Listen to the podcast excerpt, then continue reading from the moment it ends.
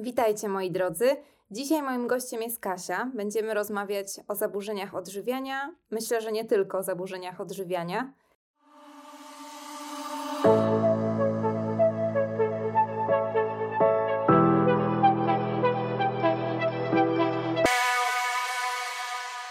Cześć Kasia. Cześć.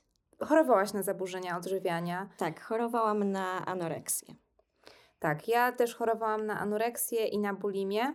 E, ta druga choroba nie jest Ci znana.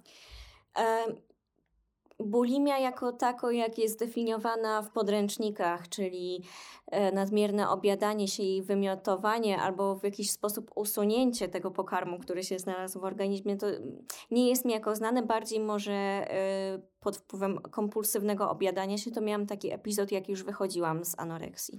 Tak, właśnie to jest troszkę podobne do, do, mojego przypadku, ponieważ u mnie bulimia wystąpiła w momencie, gdy przybrałam troszkę na wadze mm, i po prostu e, wychodząc właśnie z anoreksji, zaczęłam też e, właśnie kompulsywnie się obiadać, a bojąc się po prostu wzrostu masy ciała, chciałam pozbyć się tego spożytego jedzenia. E, I też takie nachodziły mnie później refleksje, że ja po prostu jadłam, bo cały czas czułam głód. E, to było po długim okresie znowu głodzenia się i potem sobie uświadomiłam, że mimo tego, że zaczęłam regularnie jeść, to moje komórki jakby były głodne, jakby każda komórka ciała krzyczała: Ja chcę jeść. Tak, to jest bardzo mm, znane w właśnie wychodzeniu z takiego niedożywienia. E, to się nazywa wilczy głód po anoreksji, gdzie organizm jakby pamięta i robi sobie zapasy na przyszłość, gdyby przyszły jakieś. E, to jest bardzo atawistyczna cecha, e, że gdyby przyszły jakieś kolejne chude lata, że tak powiem, żeby mieć zapasy, żeby mieć jakby z czego zrzucić, tak jakby, podczas gdy organizm nie rozumie, że to jest choroba. Czyli każda komórka w naszym ciele dopomaga się jedzenia. Tak, właśnie, ale nie wiem, czy miałaś podobnie. Ja przynajmniej już e, teraz na przykład e, zdarza mi się to, e, jakby organizm bronił się przed poczuciem głodu. Mam na myśli to, że jem regularnie, kiedy jem regularnie, czuję się dobrze, natomiast jeśli ten okres głodu się wydłuża do kilku, tam nie wiem, na przykład sześciu godzin, ja już czuję, że umieram z głodu po prostu. Tak, mam to samo. Do, dokładnie to znam, jakby organizm już się sam broni przed tym niedożywieniem. Jakby mm, też nie dopuszcza do takiej sytuacji, żebym ja się głodziła znowu. I to jest, myślę, że dobra cecha, bo ja rzeczywiście coś zjem i, i znowu mam spokój. I to nie muszę się przejadać tylko zjem tyle, ile potrzebuję. Tak, właśnie to też jest y, dobra cecha, jak najbardziej. Taki sygnał alarmujący od naszego organizmu, że no teraz powinniśmy jednak dostarczyć mu tej energii. Dokładnie. Zaburzenia odżywiania to jest, nie tylko siedzi nam na psychice, ale jeżeli chodzi już tutaj o ciało, skupmy się na tym powierzchownym aspekcie, dlaczego tak się dzieje, skąd ten głód? Dlatego, że po prostu organizm się broni przed kolejnym takim wyniszczeniem, bo po prostu nasz organizm nie jest głupi. Wie, że następnego czegoś takiego nie zniesie, zwłaszcza jeżeli te wy, wyniszczenie organizmu było skrajne. Na przykład w moim przypadku tak było. Mm, że ja schudłam z niedowagi do bardzo, bardzo krańcowej yy, formy, jakby, że no, ludzie i lekarze przede wszystkim dziwili się, że ja jeszcze żyję. Czyli rozumiem, że przed anoreksją już miałaś niedowagę? Tak, ja zawsze miałam niedowagę. Po prostu wcale y, to nie było, że ja mało jadłam, bo ja potrafiłam zjeść 15 pierogów, 3 batoniki i pizzę na kolację. I, I po prostu no tak było, nie wiem. Może jakaś szybka przemiana materii. Możliwe. E, w moim przypadku e, było tak, że ja nie, nie miałam niedowagi, miałam wagę prawidłową. Właściwie przed anoreksją ważyłam tyle, ile ważę teraz. Odzyskałam wagę całkowicie, można powiedzieć. Od takiej wagi, e, przy takim wzroście również właśnie zaczęłam się odchudzać. No i straciłam ponad 20 kg. Tam w takim krańcowym momencie ważyłam 39 kg. Mm, no to ja właśnie podobnie, może mm, około 20 kg, gdzie no ja jestem jednak e, niską osobą, bo mam 1,58 m i ja e, jakby nie ważyłam nigdy więcej niż 43 kg. Tak miałam przynajmniej w bilansach, bo kiedy zaczęłam się odchudzać, to jeszcze byłam e, końcówka liceum. Mm, to było koniec drugiej klasy liceum, także ja już wtedy nie rosłam i i można powiedzieć, że wyglądałam jak taka normalna kobieta. I rzeczywiście schudłam do bardzo krańcowej wagi. Nie wiem, czy mm, nie wiem, kto też będzie nas słuchał, czy to nie Może będzie lepiej właśnie, tak, nie podawać nie tej... podawać tej wagi. Mhm. Ale to było bardzo skrajne wyniszczenie i BMI naprawdę było tragiczne. Zagrażające życiu po prostu. Bardzo zagrażające życiu, tak. E, Chciałam jeszcze zapytać, kiedy zaczęły u Ciebie się te problemy mm, z właśnie z zaburzeniami odżywiania? E, Zaczęły się mm, pod koniec drugiej liceum, może to był, nie wiem, marzec, maj, już teraz dokładnie nie pamiętam, gdzie po prostu chciałam schudnąć, bo zawsze wydawało mi się, że mam grube uda. Tak, I też uda, to brzuch, usłysza... tak? tak? Brzuch właśnie nie, Aha. bardziej uda zawsze, bo kiedyś w podstawówce usłyszałam od koleżanki, że mam grube uda. No i od tamtej pory mi to się działo gdzieś tam na bani i, jakby nie mogę się tego pozbyć do tej pory, ale teraz już jakby potrafię sobie z tym radzić i no nie odmówię ukochanej pizzy. ale, ale wtedy rzeczywiście siadło i zaczęło się, że chciałam na początku troszeczkę schudnąć, ograniczyłam kalorie tak do 1500 mniej więcej, ale tego tam jakoś super nie liczyłam, nie miałam kalkulatora, ale zaczęłam ograniczyć stopniowo niektóre produkty, na przykład jadłam mniej, e, co tam było, pieczywa, jakichś tłustych rzeczy nie, nie za bardzo jadłam. Ale zdarzały mi się na przykład, y, pamiętam jeszcze, że było coś takiego, że kupowałam dużo słodyczy, które chomikowałam i nigdy ich nie jadłam. Ja na przykład zawsze chomikowałam słodycze, które dostawałam. Dużo osób, które już jak traciłam na wadze, tam jakieś ciocie, babcie zawsze mnie dokarmiały słodyczami. Wszystko, co dostawałam, to też gdzieś po szafkach zawsze ukrywałam, żeby tylko tego nie zjeść. No tak, tylko że mm, to też jest takie błędne koło, bo myśmy to ukrywały, ale dobrze wiedziałyśmy, gdzie to leży. I kiedy mm, na początku choroby zdarzały mi się właśnie takie napady, że dobra, zjadłam trzy kostki czekolady, to już wszystko stracone i jem nie wiadomo ile i wszystko taki typowy binge, ale nic tam potem nie robiłam. Wiedziałam, że to jest w domu. I dopiero później przestałam to kupować.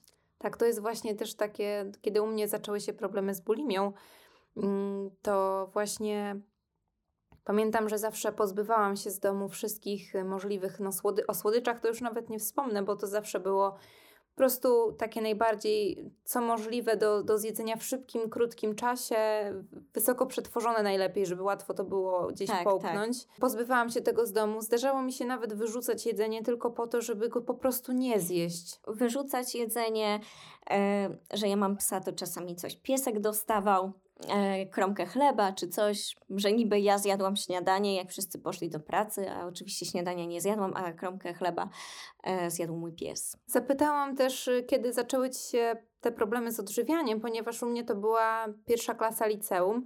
I To mniej więcej podobnie. Tak, myślę, że to jest taki bardzo trudny wiek, szczególnie teraz, kiedy w dobie właśnie mediów społecznościowych dużo dziewcząt ma problem z, z samooceną, z akceptacją siebie.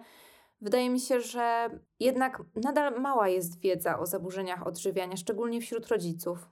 Tak, e, wśród rodziców dlatego często się słyszy, kiedyś tak nie było. Było, oczywiście, że, było. tylko o tym się nie mówiło, a żyjemy też w takim kraju, w takim społeczeństwie, gdzie jeszcze te 20-30 lat temu pójście do psychologa, psychoterapeuty, e, psychiatry to było równoznaczne z tym, że Coś jest ze mną nie tak. coś jest ze mną nie tak, wszyscy ludzie będą gadać.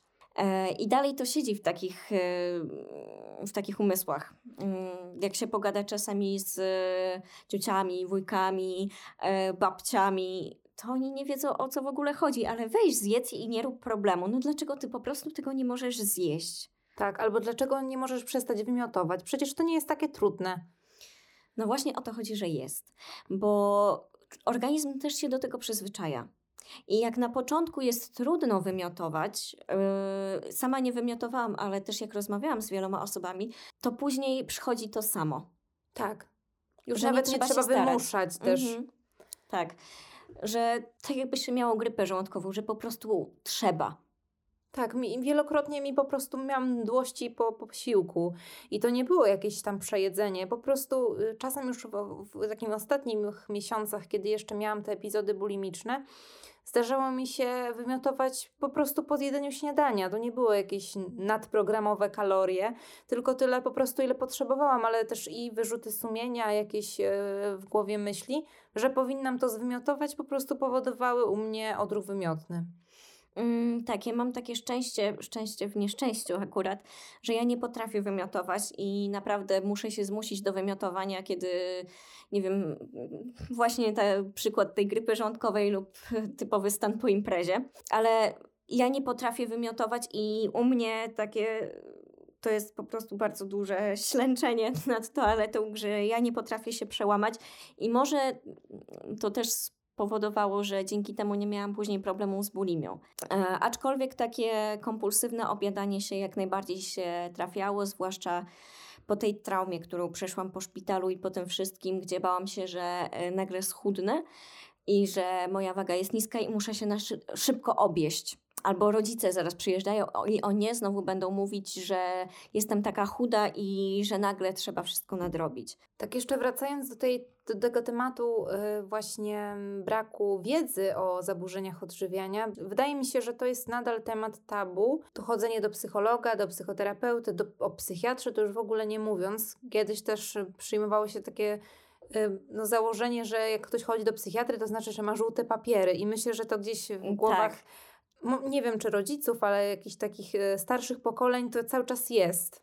Ja często słyszałam coś takiego, że e, mimo, że do Mm, psychiatry chodziłam zawsze prywatnie, tak? No bo dostać się na NFZ do psychiatra, no to graniczy z cudem. Tak, ja usłyszałam, że na psychoterapię mogę iść za dwa lata, więc ja powiedziałam Aha. panu, że w tym czasie to można trzy razy samobójstwo popełnić. No tak, można trzy razy samobójstwo popełnić, trzy razy zmartwychwstać i jeszcze przy okazji, nie wiem, studia skończyć. Także można zrobić dużo rzeczy, więc yy, nie należy czekać z pomocą, jeżeli czujemy, że jest potrzeba, to tak naprawdę największa jest inwestycja w samego siebie. I wracając jeszcze do tego tematu, że ludzie się boją, to często słyszałam takie pytanie od mamy: Ej, ale jak ty idziesz na te studia, to nie będzie na pewno w papierach. I ona nie wierzyła, że jest tajemnica lekarska. Że na pewno to jest tak, dla mnie naprawdę no, y, że to na pewno gdzieś będzie, że bo teraz studiuję medycynę i że co na pewno sobie pomyśli o co, tobie. Co ktoś sobie pomyśli, że na pewno będą mnie przyjmowali do pracy, to to gdzieś musi być wpisane.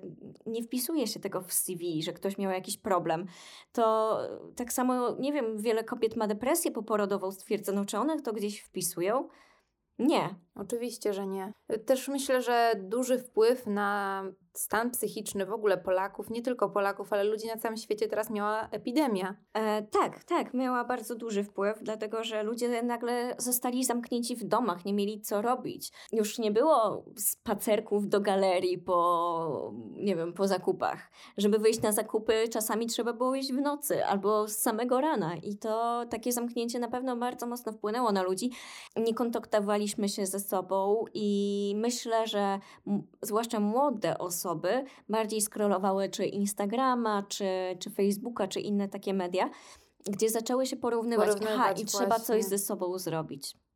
Tak, z jednej strony wydaje mi się, że może to być taką motywacją pozytywną, że mogę wykorzystać ten czas na przykład na swój rozwój, na to, żeby ćwiczyć na przykład w domu, ale tak w zdrowy sposób, tak, żeby nie wiem, uczyć się nowego języka, czy na przykład rozmawiać ze znajomymi e, przez Skype'a, tak? Tak, żeby jakoś tam utrzymać ten kontakt. Tak, żeby to nie izolować się, tak jak najbardziej jednak starać się ro robić te aktywności, które możemy. No ale z drugiej strony można sobie, tak jak właśnie powiedziałaś, no, może być ta motywacja negatywna, czyli my oglądamy, przeglądamy, tak, że na przykład o, tutaj ktoś robi, nie wiem, robi takie wspaniałe rzeczy, tak, mimo tego, że jest w tej izolacji, a my na przykład nie mamy siły, nie wiem, wstać z kanapy od Netflixa, tak? I że tak, albo na przykład zabrać się do jakichś ćwiczeń, czy zrobić sobie super posiłek. Mm, dokładnie, ale też y, wydaje mi się, że może mniej zaburzenia odżywiania, chociaż może i też, ludzie wpadali w pracoholizm, bo ciężko, bo musieli pracować zdalnie i na przykład y, wiem, że wiele osób sobie tak e, radziło, że aha, skoro może pracować z domu, no to w takim razie może siedzieć cały dzień w pracy. I nie ma czegoś takiego, że mm, te kafelki oczywiście są teraz różne, ale że 8, 16 jestem w pracy, potem przychodzę do domu i jestem dla siebie. To nie, to teraz było, aha, to jeszcze tu nadrobić, tu coś zrobić. I tak właściwie spędzało się cały dzień w pracy i potem, o matko, ja nawet nic nie zjadłam. Tak. Albo, albo w drugą stronę, albo podjadałam orzeszki, podjadałam coś tam ciastka i nagle pusta lodówka. Dokładnie tak, ale też y, wydaje mi się, że praca z domu też nie jest dla każdego. Jednak ciężko jest osobie, która wychodziła, no tak jak wspomniałaś, 8-16 przykładowo, tak, miała jakiś tam zorganizowany dzień, w tej pracy była, a tutaj jednak musi pogodzić ten czas pomiędzy pracy, obowiązki domowe i jakieś takie też szczególnie osób mało zorganizowanych. Myślę, że to też mogło wprowadzać jakieś takie napięcie. Tak, mm, ja na przykład y, podczas y, tej kwarantanny, tej ścisłej, mm, byłam u siebie w domu z rodziną, bo mm, przyjechałam z Gdańska do domu i ja zawsze funkc- musiałam mieć jakiś tam schemat, tak, że wstaję rano, biorę prysznic, maluję się i, i nie wiem, stawiam kawę i idę na wykład tak zwany, czyli siadam przed laptopem, ale nie mogłam tego robić w łóżku. I dla mnie to było normalne i to mi pozwoliło jakoś tam zdrową równowagę zachować, tak, mhm. tak, ale no wiem, że ja jestem w mniejszości. Wiele osób jednak słuchało sobie wykładu na słuchawkach w łóżku i tylko włączyło go w tle, jak nie wiem, odkurzało. Albo nie wiem, grało w grę. No ja jednak to potraktowałam inaczej, poważnie i trochę powiem, że jestem z siebie dumna z tego powodu, bo wiem, że nie, wielu osobom jest się ciężko do tego zabrać. No ale rzeczywiście ja już jakby mam jestem w terapii, mam pewną jakąś mądrość tam zdobyłam życiową, można powiedzieć, przez to, co przeszłam. Masz świadomość siebie po prostu. Tak, mam większą może świadomość mhm. siebie, bo jest wiele rzeczy, nad którymi jeszcze muszę no tak, pracować, myślę, bardzo że to kluczowych jest droga spraw. taka jakby te budowanie swojej świadomości to jest pewna droga według mnie. Która nigdy się nie kończy tak, tak. naprawdę. Myślę, że y, człowiek, który ma 80 lat nadal może się rozwijać. Oczywiście, że tak. Jakby całe życie się rozwijamy, uczymy się nowych rzeczy, poznajemy nowe rzeczy też. Dokładnie, czyli jakby to nie zależy też od wieku, y, ale od zajrzenia w głąb siebie. Jeśli chodzi o właśnie ten czas y, takiej, jak mówiłaś, ścisłej kwarantanny, dla mnie akurat był to bardzo trudny czas, mimo tego, że starałam się jednak no, i ćwiczyć w domu i e, właśnie utrzymywać kontakt online, tak. Też święta były dla mnie trudne, bo nie pojechałam do moich rodziców, byłam tutaj, e, to były takie pierwsze inne święta, mm, to no, też w pewien sposób było tak obciążające. Też byłam świeżo po wyjściu ze szpitala, praktycznie powrót do nowej rzeczywistości, można to tak nazwać.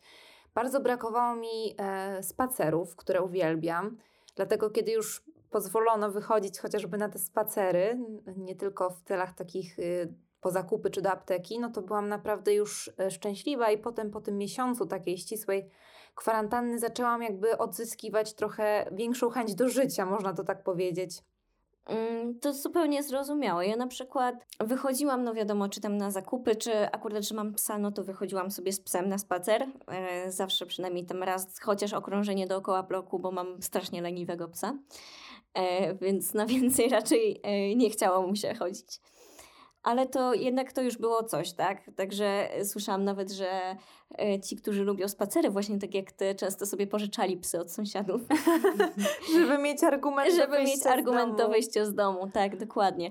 Aczkolwiek no... nas nie spotkała, przynajmniej z tego co wiem, taka kwarantanna, że musiałyśmy rzeczywiście siedzieć zamknięte dwa tygodnie i machać policji.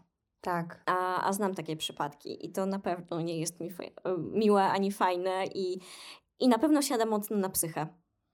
Myślę, że w takich sytuacjach też dobrze mieć takie swoje koła ratunkowe. Chodzi mi o takie mm, właśnie aktywności, które możemy wykonywać, takie nasze bezpieczne. Tak, to dla kobiet na przykład może być nałożenie maseczki, tak zwany tak. dzień beauty. E, to może być przygotowanie dobrego, zdrowego posiłku. E, to może być e, udawana randka w kinie z naszym partnerem czy, czy z kimś. Tak. To, można, to może być zabawa z naszymi dziećmi. Zależy, jaką to, kto ma sytuację w domu, tak? W jaki, gdzie został zamknięty, bo wiele osób, tak jak nas, studentów, wróciła do domu. Ja byłam z jedną z takich osób, a inni mieszkają na co dzień z rodziną i nie wrócili na przykład na czas kwarantanny i zostali tam, gdzie się uczą.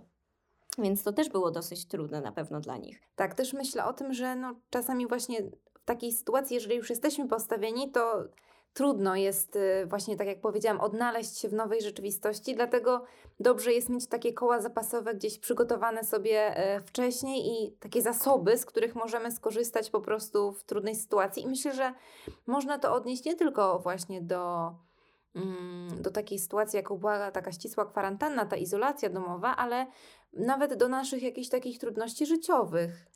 Tak, to jest na pewno bardzo ważne, taki żeby pozwolić sobie na taki dzień dla siebie, na odpoczynek, że trzeba też nauczyć się przebywać w samotności i czuć się dobrze ze sobą. sobą to jest przede tak. wszystkim taka podstawa tego wszystkiego, żeby nawet znieść tą kwarantannę. Żeby dobrze funkcjonować z innymi ludźmi, też trzeba umieć funkcjonować samemu ze sobą.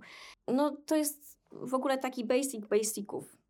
Tak, wracając jeszcze do tematu zaburzeń odżywiania i tu tak trochę chcę powiązać, mianowicie ja myślałam, że jak schudnę, to nagle rozwiążą się wszystkie moje problemy. Nie, nie zdawałam sobie sprawy, miałam duże problemy ze sobą, właśnie z akceptacją siebie, i myślałam, że kiedy schudnę, mm, ta, kiedy te cyferki na wadze pokażą no, mniejszą liczbę, to nagle to wszystko za dotknięciem magicznej różdżki zniknie.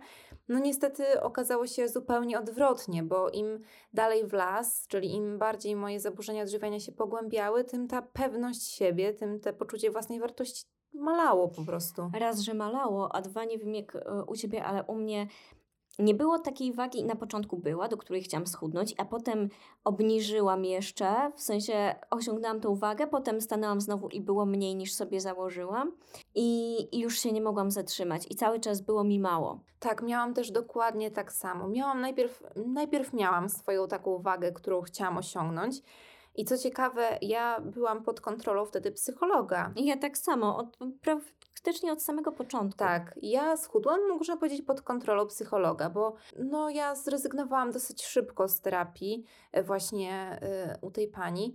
Mianowicie miałam sobie jakąś wyznaczoną wagę, która mieściła się w granicach normy. To była no, dolnej granicy normy, ale nadal w normie. Osiągnęłam tą wagę, no, natomiast no, nadal chciałam chudnąć. Potem była kolejna jakaś wyznaczona cyfra, kolejna i tak, tak jak mówisz, nie mogłam się zatrzymać. Tak, i wtedy ignoruje się wszystkie sygnały z otoczenia, czyli że każdy mówi, ej, słabo wyglądasz, ej, chuda jesteś, ej, weź się puknij w łeb i, i zrób coś ze sobą. Takie też oczywiście agresywne uwagi były. Wyśmiewanie się, pokazywanie palcami na ulicach, no, no różne rzeczy, ale wtedy do takiej osoby to nie dociera też z otoczenia, ale myślę, że też z nas, z ciała. Przecież nasze ciało Oczywiście. też dawało nam sygnały. Nie wiem, jak było u ciebie, ale u mnie, no, yy, kiedy zanikały mi na przykład mięśnie klatki piersiowej, bo to zostało właśnie stwierdzone, bardzo bolała mnie właśnie całe, cała klatka piersiowa. Nie miałam na nic siły, zanikła mi miesiączka, pojawiły mi się włoski na ciele. No to są jedne z takich objawów, które ja do tej pory gdzieś tam pamiętam, takie najbardziej tak, podstawowe. Tak, tak do mnie też jakby to mm, wtedy nie docierało, że nie mam siły, nie mogłam wejść po schodach, bo oczywiście mięsień pośladkowy wielki, anatomowie będą znali uwagi, zanikł całkowicie, prawie.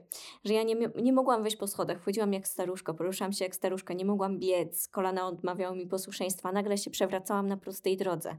I nie to, że nie miałam siły, po prostu nogi odmawiały mi posłuszeństwa.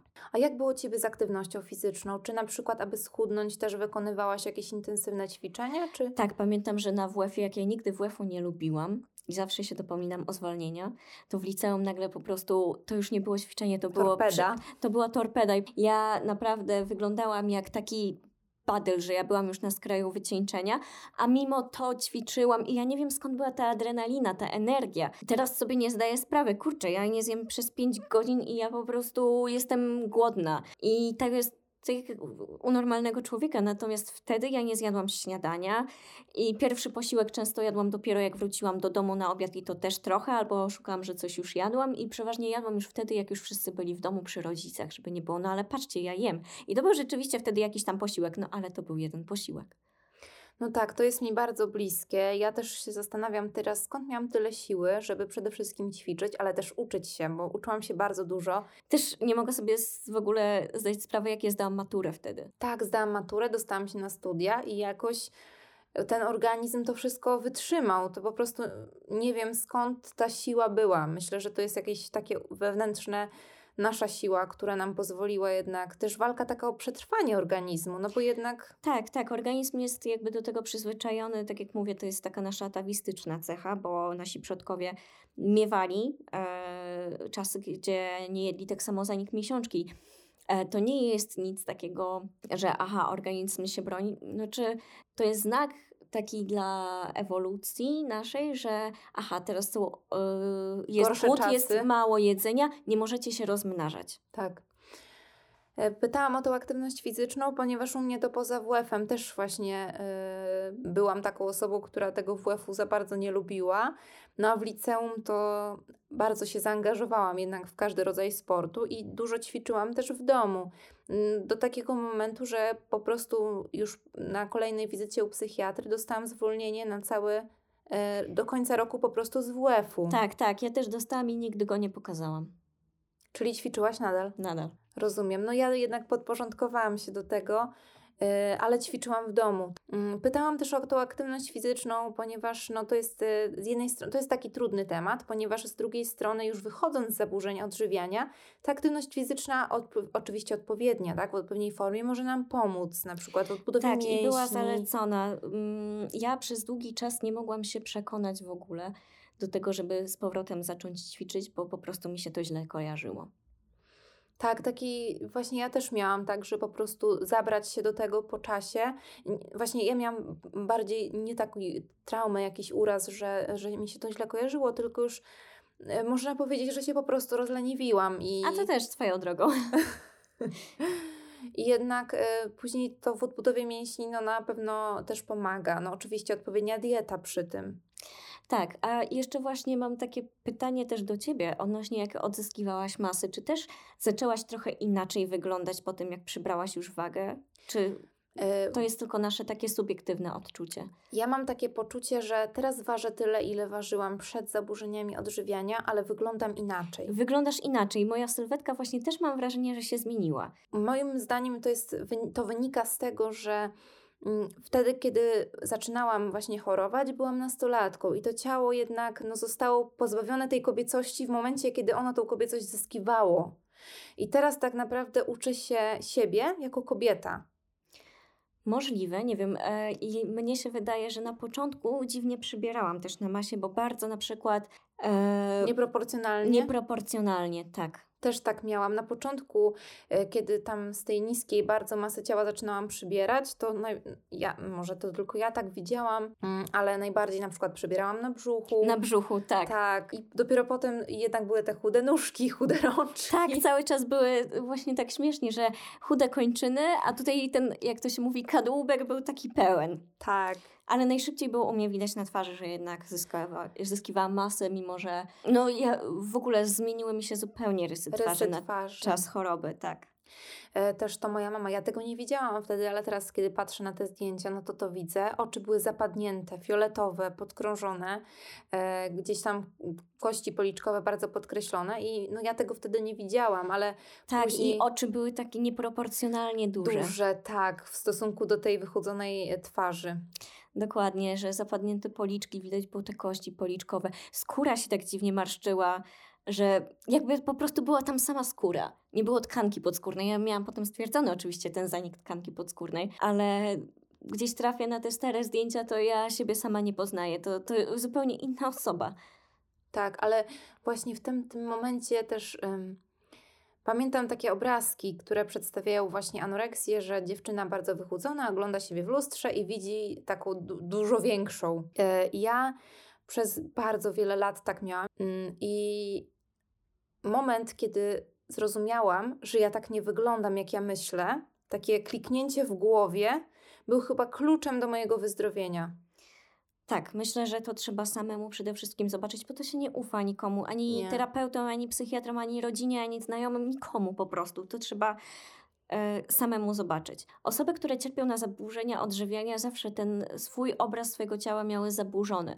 I jeżeli chodzi na przykład o mnie, to mimo, że ja już e, nie borykam się z zaburzeniami odżywienia, to i zaakceptowałam to, jak wyglądam, mimo że przez kwarantannę oczywiście yy, przytyłam, ale jakby nie- Akceptujesz to. akceptuję to, no, no, zupełnie normalne, że nie, nie ruszałam się, nigdzie nie Oczywiście, wychodziłam, że no tak. to uczyłam się też ostro, naprawdę ostro się uczyłam, także no rozumiem to i jakby to akceptuję, ale to nie jest sprawa, której nie mogę zmienić, tak, ale tak jakby wyglądam okej. I to nie jest tak, że yy, ja lubię siebie, jak wyglądam, czy, czy, czy coś, bo myślę, że akurat to jest taka mm, rzecz, nad którą jeszcze muszę pracować, że po prostu ja nie lubię siebie, jak wyglądam. Nie lubię swojego wyglądu, ale to bardziej chodzi nie o sylwetkę, tylko już bardziej o twarz. ale no rzeczywiście jest tak, że jeżeli chodzi, czy ja mam kilogram więcej, czy mniej, to, to już mnie tak mało. Dopóki mieszczę się w tych ryzach, które są w porządku, to jest dobrze. I też przede wszystkim to cię nie definiuje, nie definiuje ciebie, jaką jesteś, jakie, e, co sobą reprezentujesz, co robisz, prawda? To mi się wydaje, że jest taka podstawa, o której będąc w zaburzeniach odżywiania, zapominamy. Tak, zapominamy, kim jesteśmy, czego i tak naprawdę czego oczekujemy od siebie i stawiamy sobie jakieś niebotycznie wysokie cele, do których nie jesteśmy w stanie osiągnąć, bo po prostu nasz stan zdrowia na to nie pozwala. Ja tak miałam. E, że nie byłam w stanie od razu po liceum iść na studia. Musiałam czekać rok, bo po prostu dostałam od terapeutki rodzinnej zalecenie, że mam siedzieć w domu i w ogóle nigdzie nie wychodzić. Byłam zamknięta przez rok, czyli taka kwarantanna w sumie. Nawet nie mogłam wyjść z psem. Jak sobie poradziłaś w tych trudnych warunkach? Musiałam jakoś przeżyć, ale robiłam wszystko dla, dla rodziny, coś tam starałam się. Miałaś motywację do walki? Może tak, bo ja wcześniej byłam oczywiście, um, dopóki to też było tak, że dostałam ten ban w październiku e, jakoś i jak miałam iść na studia, e, nie poszłam na nie oczywiście, znaczy byłam przez tydzień i kazali mi siedzieć w domu i nie przyjęłam tego dobrze, e, bardzo źle nawet i na początku było strasznie, Potem obiecałam sobie, dobra, będę coś z tym robić, ale dalej chudłam, mimo że nie powinnam była chudnąć. No już to było skrajne wyczerpanie. No i pewnego dnia przyszłam do mamy, że ja umieram, jestem zapłakana. Potem staram się na siłę po prostu sama sobie ogarniać lekarzy i tak dalej. Mm.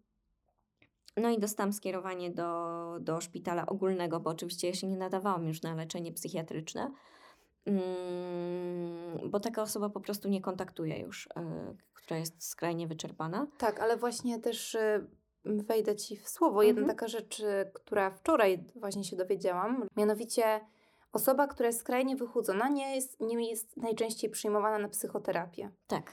Ale nie może też być przyjęta do szpitala psychiatrycznego. I nagle pojawia się luka. Co z taką osobą zrobić? E, no ja y, trochę też sama to ogarnęłam, bo mam jakąś tam wiedzę medyczną i wiedziałam mniej więcej co robi, że to była trochę samodiagnoza, że zdiagnozowałam, że mam objawy kwasicy i szybko pojechałam, obudziłam e, rodziców w środku nocy i powiedziałam, że chcę jechać do szpitala na SOR. No i tam mnie przyjęli, tam przynocowałam, co wyniki prawdopodobnie wyszły tragiczne.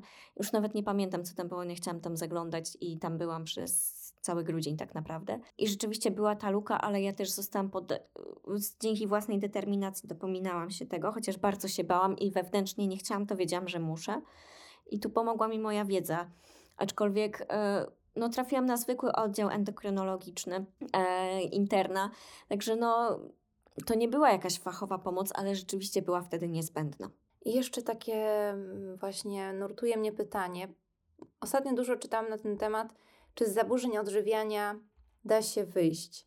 E, I trafiłam też na takie badanie, które potwierdza, że jednak e, większość chorujących kobiet na zaburzenia odżywiania, kobiet nie tylko kobiet, ale i mężczyźni oczywiście chorują na zaburzenia odżywiania, jednak e, udaje im się z tego wyjść. W przypadku anoreksji to nawet 22 lata, są to 22 lata, natomiast w przypadku bulimii do 9 lat zajmuje wyjście z choroby, tak średnio.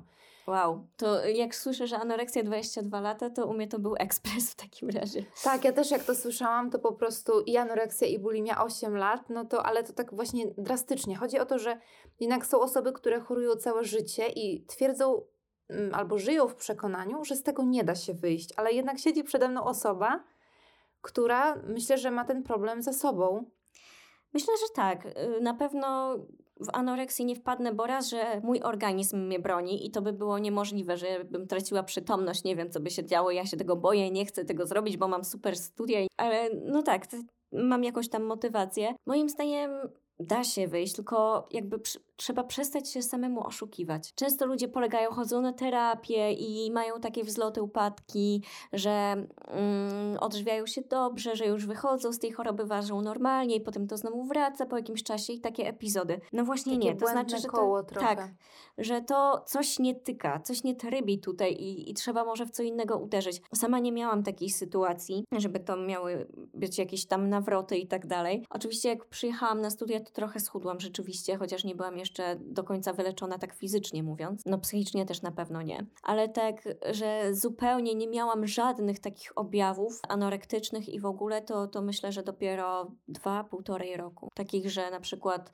e, nie czułam satysfakcji, że nie jestem głodna. To jeszcze się zdarzało tak bardzo, bardzo rzadko, bo tak sporadycznie, ale oczywiście jadłam wtedy i nie miałam takich objawów e, zachowawczych, ale w głowie gdzieś tam to jeszcze się działo.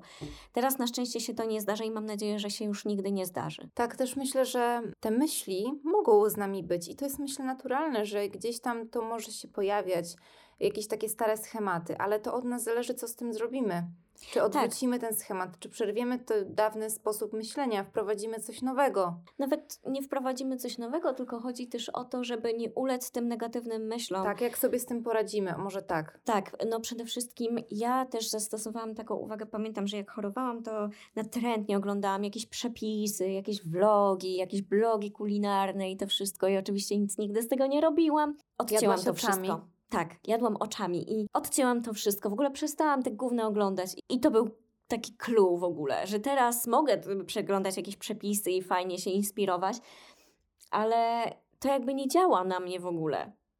Nie patrzę na przepisy mniej kalorii czy coś, po prostu patrzę na takie rzeczy, które by, wiem, żeby mi smakowały. Też myślę o tym, że według mnie da się wyjść z zaburzenia odżywiania. Też myślę, że no, jestem jak najlepszym przykładem, tak jak i ty, że jednak można powrócić do zdrowia. To oczywiście trwa. Nie wiem, ile to trwało w Twoim przypadku. Trwa, tak. Myślę, że jeżeli chodzi o zaburzenia odżywiania, no to to trwało długo. Może nie tak, że 22 lata, ale no od czasu tego liceum, jeszcze miałam takie dobitki na pierwszym semestrze drugiego roku, no to, to trochę trwało. Tak 3-4 lata około. No tak, ale właśnie myślę sobie, że tym optymistycznym akcentem będziemy kończyć. Tak, ale... że da się, da się wyjść. Tak, da się i jest ta nadzieja. To jest walka, która jest trudna, która wymaga pomocy specjalistów, ale Nie można zostać samemu. Tak, przede wszystkim, co można zrobić, jeśli w naszym otoczeniu są takie osoby y, z zaburzeniami odżywiania? Przede wszystkim odpuścić sobie mówienie, Boże, jak ty wyglądasz, ej, weź coś zjedz, bo to nie działa. Tak, to działa w odwrotny sposób często. Oczywiście, nie komplementować takiej osoby. Bo taka osoba otwierdza się też w przekonaniu, wow, ktoś mi powiedział, że Nawet jeżeli ktoś schudłam. powie coś zupełnie innego, Boże, wyglądasz jak trup, jaka ty chuda jesteś, Jak no to, to, je, to ktoś to odbierze po prostu jako super, no wyglądam chudo, jestem takim szkieleciorem. Oczywiście taka osoba tego tak nie, odbierze to w pozytywnym e, znaczeniu, chociaż nie ma to pozytywnego wydźwięku. To jest bardzo przykre w ogóle. Tak, utwierdzić się w takim przekonaniu, że robię dobrze. Tak. Przede wszystkim pamiętam moja przyjaciółka, kiedy to się zaczynało, zapytała mnie, że się martwiła przez jakiś czas i, i wprost, Kasia, czy ty się głodzisz? I ja tak, no nie no, coś tam jem, a potem tak do mnie dotarło, no tak, głodzę się. I wtedy ta machina ruszyła. Właśnie też, co myślę, dla mnie było najważniejsze, to tak jak mówisz, nieocenianie, nie krytykowanie, nie wytykanie na przykład naszych zmian w wyglądzie. To też, jest- też podam taki przykład, kiedy słyszałam, że na przykład y, odzyskiwałam już wagę, że zdrowo wyglądam. Nie mówić tego, nie mówić tego. tak, nie mówmy zdrowo wyglądam. Nie mówić, no teraz to ładnie wyglądasz, takich kobiecych kształtów nabierasz. Nie mówić. Nie, absolutnie te słowa są zakazane. Nie, to, to działa w odwrotną stronę i ja teraz jakby wiem, że to było w dobrej intencji, natomiast wtedy nie chciałam tego słyszeć. Lepiej powiedzieć dobrze cię widzieć, niż, Świetny sposób, tak. niż powiedzieć, że ktoś zdrowo wygląda. Albo widzę, że częściej się uśmiechasz. Myślę, Ale- że to jak najbardziej, jeśli chcemy już jakoś tą osobę skomplementować, To w To- ten sposób. Tak, jak najbardziej. Poza tym bardzo pomogło mi wsparcie najbliższych i też y, wtedy byłam jeszcze w szkole, właśnie w liceum, też y, no, akceptacja jakby otoczenia, tak? Że tego, jak Tak. wyglądam i że jednak walczę z tą chorobą. Tak, że na początku ciężko mi było zaakceptować też na przykład, jak już odzyskiwałam tą wagę, byłam przy końcu, że teraz tak naprawdę pięknie wyglądasz, czy tak ładnie wyglądasz, to od swoich przyjaciółek słyszałam, że teraz super wyglądasz. I na początku było mi ciężko, a teraz tak, kurczę, no, no w sumie teraz to mi się nawet bardziej podoba, bo, bo nie mam problemów z kupowaniem ciuchów. Tak, y, ten problem się skończył. Pamiętam, że też miałam, miałam ogromne problemy z tym. I w ostatnim czasie też często słyszałam, że na przykład, o teraz to ładnie wyglądasz, tak jak podobnie do ciebie. I na początku też w głowie taka lampka, ojej, no y, coś jest, Przytyłam. tak, przytyłam, coś jest nie tak. A później sobie pomyślałam, no weź ten komplement, tak? Ktoś ci daje komplement, no weź go, tak? I No dokładnie, albo też na początku e, słyszałam od, że najlepiej nie mówić, że to trzeba, żeby mm, wrócić do zdrowia, trzeba przytyć, tylko trzeba odzyskać masę, że to niby ubrać ładnie w słowa. A ja uważam, że to jest terapeutyczny trochę bullshit. Trzeba się zmierzyć ze słowem przytyć. A teraz to mnie zaskoczyłaś, bo powiem Ci szczerze, że często właśnie ja sama e, zamieniałam te słowo przytyć na odzyskiwać wagę i to wydawało mi się takie mniej nacechowane. Znaczy tak, ja jak rozmawiam z kimś, kto, kogo podejrzewam na przykład o jakieś zaburzenia odżywiania albo ktoś, kto, kto mi się przyznał, to używam takiego stwierdzenia. Natomiast wiem, że ja już jestem na tym etapie, że jestem w stanie zaakceptować, że przytyłam i mogę tak sama o sobie powiedzieć i że nie, że odzyskałam masę czy coś, tak przytyłam do zdrowej wagi i, co, i to jest w porządku. Powiem Ci, że to, co powiedziałaś, będzie we mnie pracować i też będę się nad tym zastanawiać i starać się też nauczyć tej akceptacji słowa przytyłam do zdrowej wagi. Tak, bo yy, wiesz co, powiem Ci tak, że mm, to jest bardzo ważne, bo w społeczeństwie jest nacechowane negatywnie słowo przytyć, natomiast chudnąć pozytywnie. Trzeba jest- z tym walczyć. Trzeba walczyć, to są zupełnie dwa neutralne słowa. Dwa neutralne.